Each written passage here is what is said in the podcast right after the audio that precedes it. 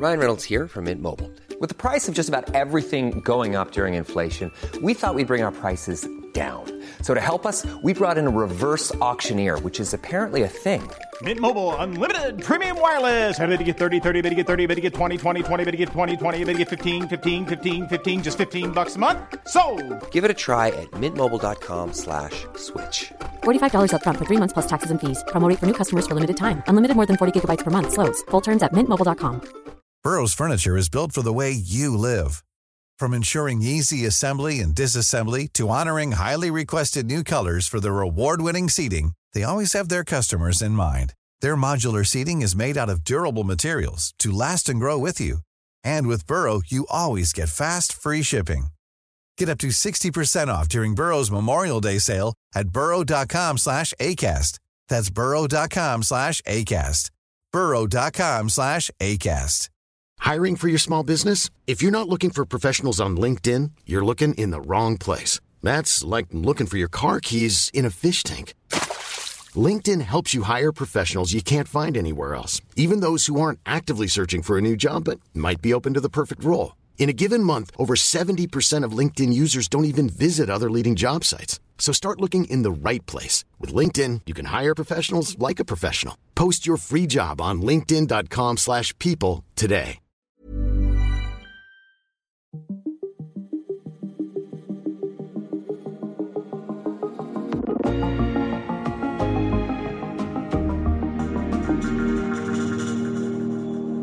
Russiske soldater må kaste håndklædet i ringen flere steder i Ukraine, men lejesoldaterne fra Wagner-gruppen står stadig stærkere. I flere år har de opereret i det skjulte, men nu har gruppen så meget vind i sejlene, at de har åbnet et kontor i St. Petersborg, hvor man kan komme ind fra gaden. I dag fortæller vi om bestialske metoder, indblanding i amerikansk politik, offentlige henrettelser og fronten i Putins krigsmaskine. Det her det er Dato. Jeg hedder Thomas Bug Andersen.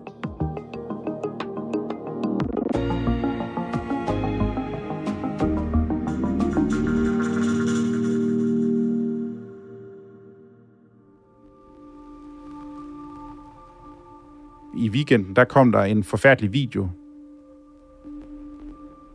Og den her video, den viser altså ham, den her Wagner-soldat, hvor man har tæppet hans hoved fast til en betonblok.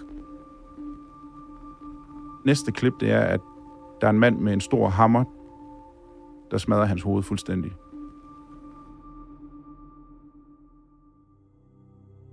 Claus Borg Reinholdt, han kan detaljerne om Wagner-gruppen. Som TV2's Rusland-korrespondent har han boet med sin familie i en del år i St. Petersborg og fulgt russerne og opløbet til invasionen. Så kommer den, den 24. februar, så hvor Henriette, hun kom ind og vækker mig.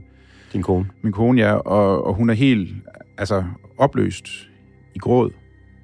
Og, øh, og jeg tænker, hvad i alverden sker der? Og så kigger hun på mig, og så siger hun så, øhm, han gjorde det.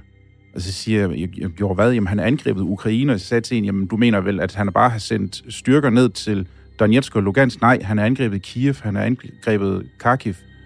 Og ham, det er selvfølgelig Vladimir Putin.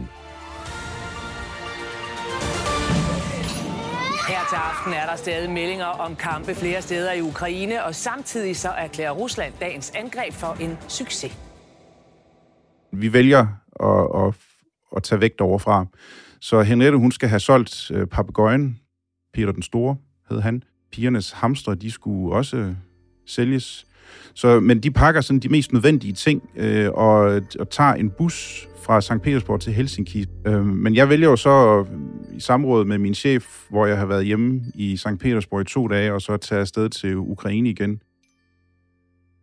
Og du har ikke været i Rusland siden, men har dækket krigen i Ukraine.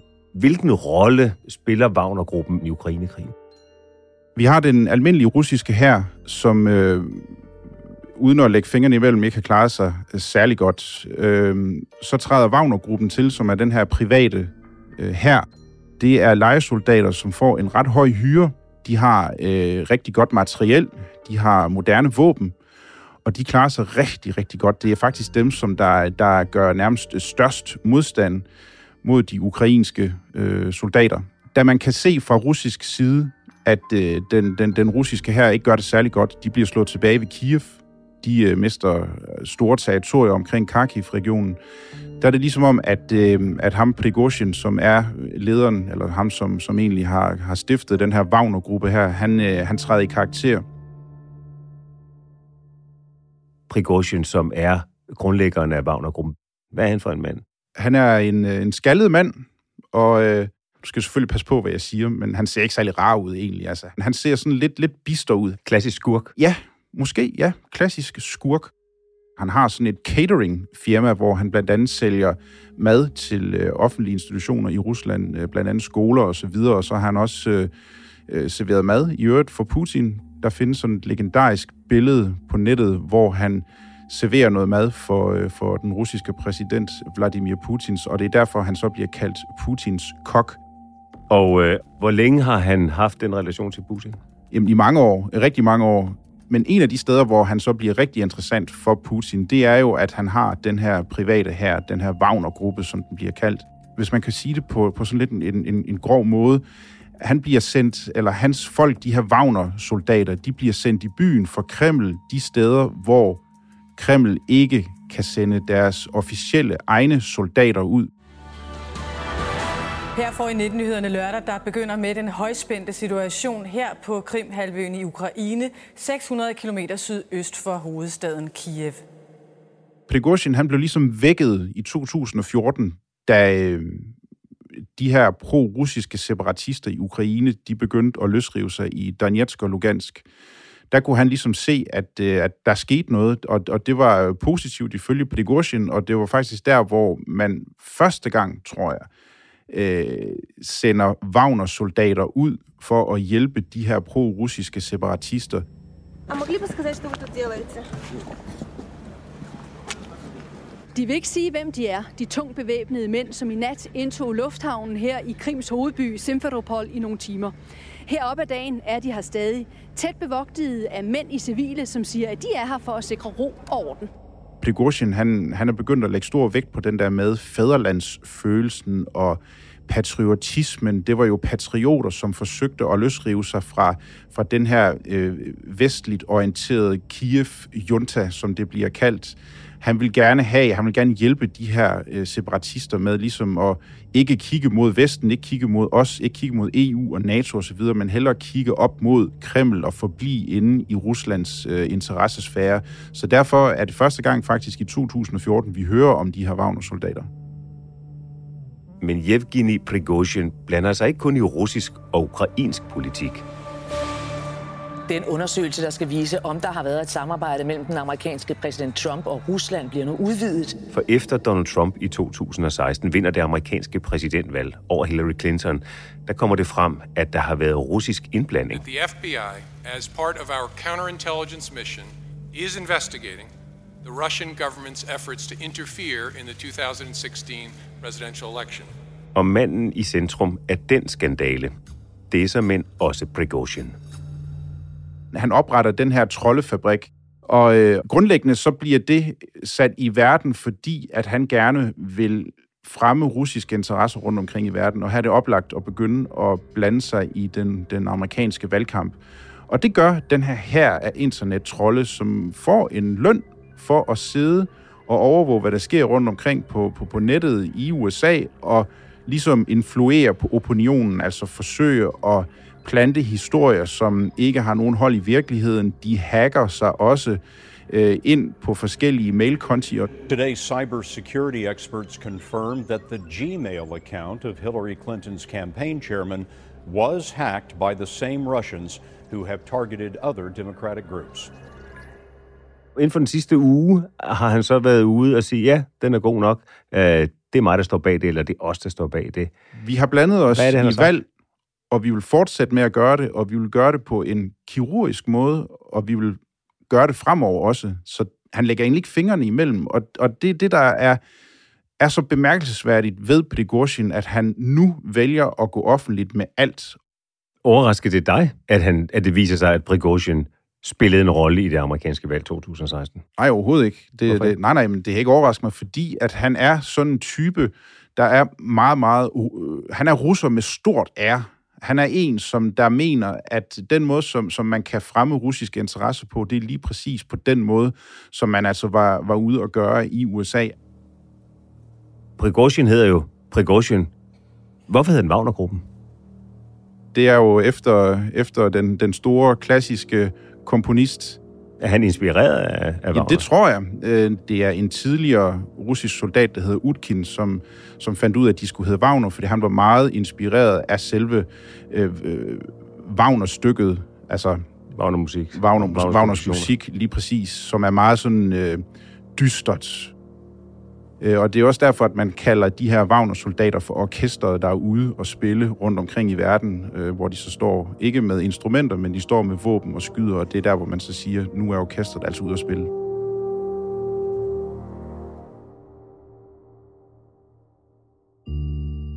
Men selvom Prigozhins aktiviteter rækker vidt, så er det med lejesoldaterne i hans Wagner-gruppe og deres indsats i Ukraine, at slaget for russisk storhed og indflydelse for alvor udkæmpes. Hvordan går det i de områder, hvor Wagner-soldaterne er aktive? Det går rigtig godt. Jeg vil ikke sige, at det går så godt, at, øh, at det kan gå hen og vende krigslykken, for der er ikke nogen tvivl om, at det er ukrainerne, der har momentum på slagmarken. Stort set på alle fronterne. Der, hvor det går rigtig, rigtig langsomt for ukrainerne, det er lige præcis der, hvor Wagner-soldaterne de står over på den anden side af frontlinjen. Det er i den østlige del af Ukraine, sådan øh, Severodonetsk, der omkring, hvor der var rigtig hårde kampe på et tidspunkt. Indtil september, der har Prigozhin spillet en anonym, ikke eksisterende rolle, så at sige, i hvert fald offentligt, i Ukrainekrigen. Hans soldater har spillet en afgørende rolle eller en central rolle, men han selv har ikke optrådt nogen steder på det her tidspunkt. Så dukker han pludselig op i et russisk fængsel, hvor han er inden for at væve mænd, altså fanger i det her øh, fængsel, nogle rigtig hardcore kriminelle til Wagnergruppen. Hvad er det, der sker der i fængslet? det bliver filmet, og det er sådan lidt grynet. Det er, det er rigtig, rigtig dårlig kvalitet, men man kan stadigvæk godt se, at det er Prigozhin, Gud hjælper mig, der står der i midten. Rundt om ham, der står der en masse fanger, altså fængselsindsatte i Rusland, og de står så og hører på, hvad han siger, og han går sådan stille og roligt rundt i sådan noget kakifarvet tøj. Han går stille og roligt rundt og siger, jeg har et godt tilbud til jer. Hvis det er, at I har lyst til at kæmpe en god sag og kæmpe for fædrelandet osv., så, videre, så kan jeg sende jer til Ukraine. Der er dog et lille arbejderbej ved det. Det er blandt andet, at øh, I kan ikke flygte derfra. Hvis I overgiver jer, så bliver I skudt. Så det er not an option at all. Hvis, hvis I er der i 6 måneder, og I har været ude og kæmpe, jamen, øh, så øh, slår vi en streg hen over den fængselsstraf, som I i virkeligheden har fået af en dommer, så er I fri. Hvis I dør, jamen, så bliver der udbetalt en kompensation for jeres efterladte osv., og I får en, en heltebegravelse, hvilket er en stor ting i Rusland for nogle mennesker. Altså, man får sådan en, man bliver nævnt i den lokale avis og så videre, og man, man får sådan en, et flot gravsted og så videre. Og så igen den der med en kontant kompensation for de, for de efterladte. Og det er åbenbart noget, som, som er noget, som der, der tiltrækker mange af de her indsatte her. Men der, hvor det bliver interessant, synes jeg, det er, at han siger, hvis I flygter, så bliver I skudt. Те, кто приезжает и в первый день говорит, куда-то я не туда попал, мы делаем отметку дезертир, и после этого следует расстрел. Det siger vel i virkeligheden en hel masse, øh, ud over hvem det er, der kommer til at kæmpe på russisk øh, side, men det siger vel også noget om, at han er blevet accepteret af Kreml til officielt at gå ind og værve fanger i et russisk fængsel, så han bliver blåstemplet af Putin i virkeligheden med den handling. Ja, på en eller anden måde bliver han jo blåstemplet, fordi at der er ikke noget, der er tilfældigt i Rusland lige nu. Og hvad siger det dig? Jamen, det siger man jo, at Rusland er i knæ. De kan ikke øh, vinde krigen ved deres almindelige regulære her. De er nødt til igen at få hjælp fra Prigozhin, som er Kremls stikiranddreng. Det er ham, der bliver sendt ud, når der er problemer nogle steder. Han skal løse problemerne, blandt andet i Ukraine, ved at det går dårligt for den regulære russiske hær. Og her er det altså, Prigozhin han prøver på at levere blandt andet ved at få nogle hardcore kriminelle til at slås på Ruslands side i hans Wagner her. Og jeg kunne høre på det, du fortalte før, at du lagde særlig vægt på det her med, at Prigozhin i sin tale eller sin vævekampagne i fængslet understreger, at hvis de flygter fra den chance eller fra det job i Ukraine, så vil de blive skudt. Og det gør du, fordi der så nu for nylig, meget nylig, er kommet en anden video frem. I weekenden, der kom der en forfærdelig video, hvor der var en af de her Wagner-soldater, som angiveligt har overgivet sig til ukrainerne. Han er så med i en fangeudveksling mellem Ukraine og Rusland, så det han er ham med Wagner-soldaten. Han er altså siddet til fange hos ukrainerne, hvor han har overgivet sig. Han bliver så leveret tilbage til russerne. Og den her video, den viser altså ham, den her Wagner-soldat, hvor man har tæppet hans hoved fast til en betonblok, og hvor han så angiveligt indrømmer, at han har overgivet sig. Næste klip, det er, at der er en mand med en stor hammer, der smadrer hans hoved fuldstændig. Og det er en forfærdelig video. Jeg vil ikke ønske, at der er nogen, der ser den. Jeg har desværre set den. Øh, og det er jo et tegn på, at Wagner-gruppen, de mener det, når de siger, at hvis du overgiver dig, jamen så dør du. Og det var det, der skete for den mand her. Og det er ligesom et forvarsel til andre, som måske kunne finde på at gøre det samme, så får de nogenlunde den samme behandling som den mand her. Men Claus, siger det her også noget om, hvem det er, Wagnergruppen i virkeligheden er i stand til at rekruttere? Fra at have været en eliteenhed, der kunne rekruttere øh, veluddannede soldater, som får en, en god hyre, til det nu er kriminelle voldtægtsforbrydere, mordere og så videre, som de må rekruttere fra russiske fængsler til øh, på ikke særlig gode arbejdsvilkår, så at sige. Det må man sige. Igen, det er jo et tegn på, at det sejler i Rusland lige nu. Det sejler for den regulære russiske hær, og det sejler også for, for Prigozhin, at han er nødt til at hente hardcore kriminelle ind i sin øh, private legesoldat her. Jeg tror måske, at han havde regnet med, at han ville få nogle øh, rigtig hårde russiske mænd, som kan slås. Og der er garanteret også rigtig, rigtig mange af dem, som han har hentet fra de russiske fængsler, som er gode til at være i krig, fordi at de er, som du siger, hardcore kriminelle, der ikke skyer nogle midler, som er fuldstændig ligeglade med alt og alle. It's the opening ceremony of a brand new center belonging to the Wagner Group. En af de seneste udviklinger i historien om Wagner-gruppen, det er, at de nu har åbnet sådan helt officielt et kontor i St. Petersborg. Et sted, hvor man kan gå ind fra gaden. Not so shadowy anymore with this huge, shiny new headquarters here in St. Petersburg. Literally Hvad er det for et sted? Det bliver udlagt som et sådan et startup, altså sådan et sted, hvor øh, kvikke hjerner, de kan gå ind og, og udtænke store idéer. Det er der, hvor man kan sidde og diskutere, hvordan eksempelvis man kan forbedre en drone. Det er der, hvor man sidder og udvikler computerprogrammer osv. osv. Men jeg må sige, at øh, alt det til side, alene det faktum, at vi har en mand, som har en privat her, i fuld offentlighed åbner et såkaldt startup-center, hvor man skal kunne sidde og diskutere alverdens ting og udvikle alverdens ting. Det vidner jo om, at vi har med et land at gøre, som er uden for enhver form for international lov og ret.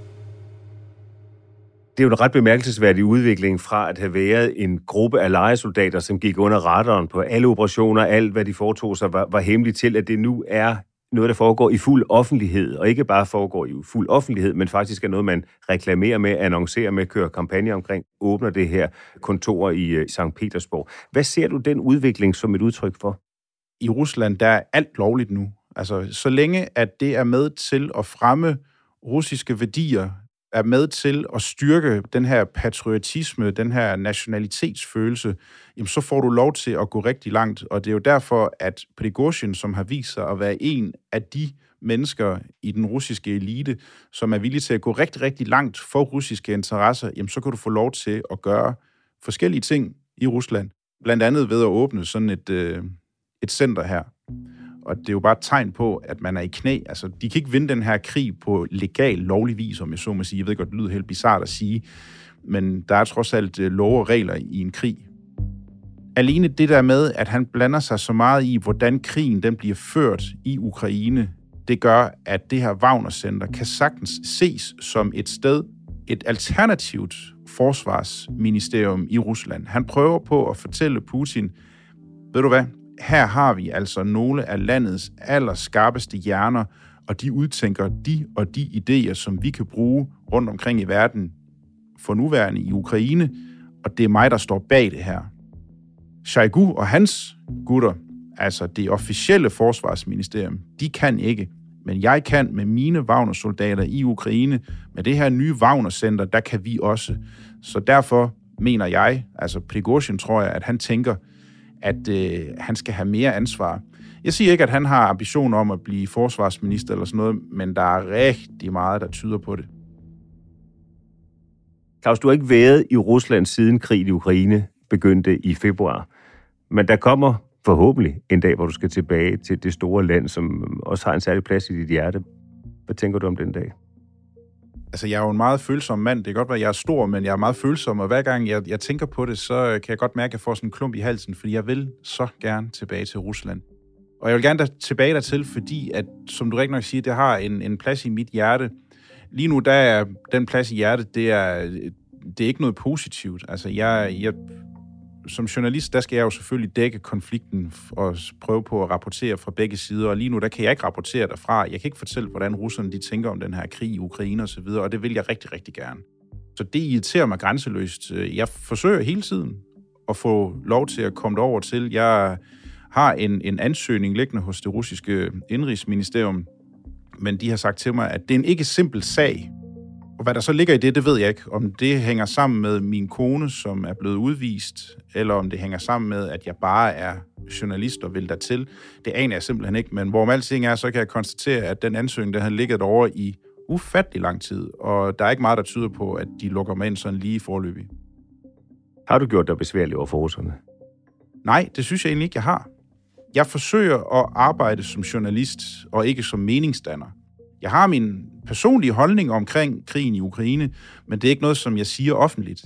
Det er kun noget, som jeg sidder og taler om med venner og så videre, fordi at som journalist synes jeg, at øh, man er nødt til at lade seerne, lade læserne, lade mediekonsumenterne, som det hedder, lade dem om, hvad de tænker om det.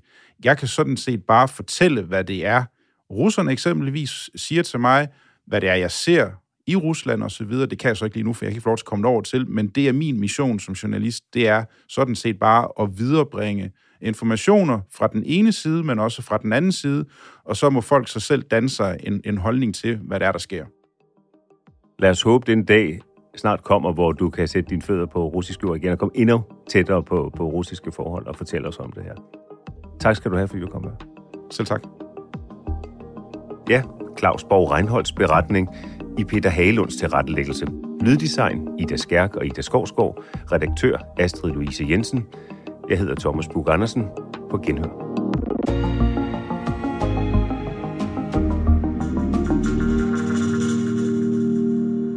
Du har lyttet til en podcast fra TV2.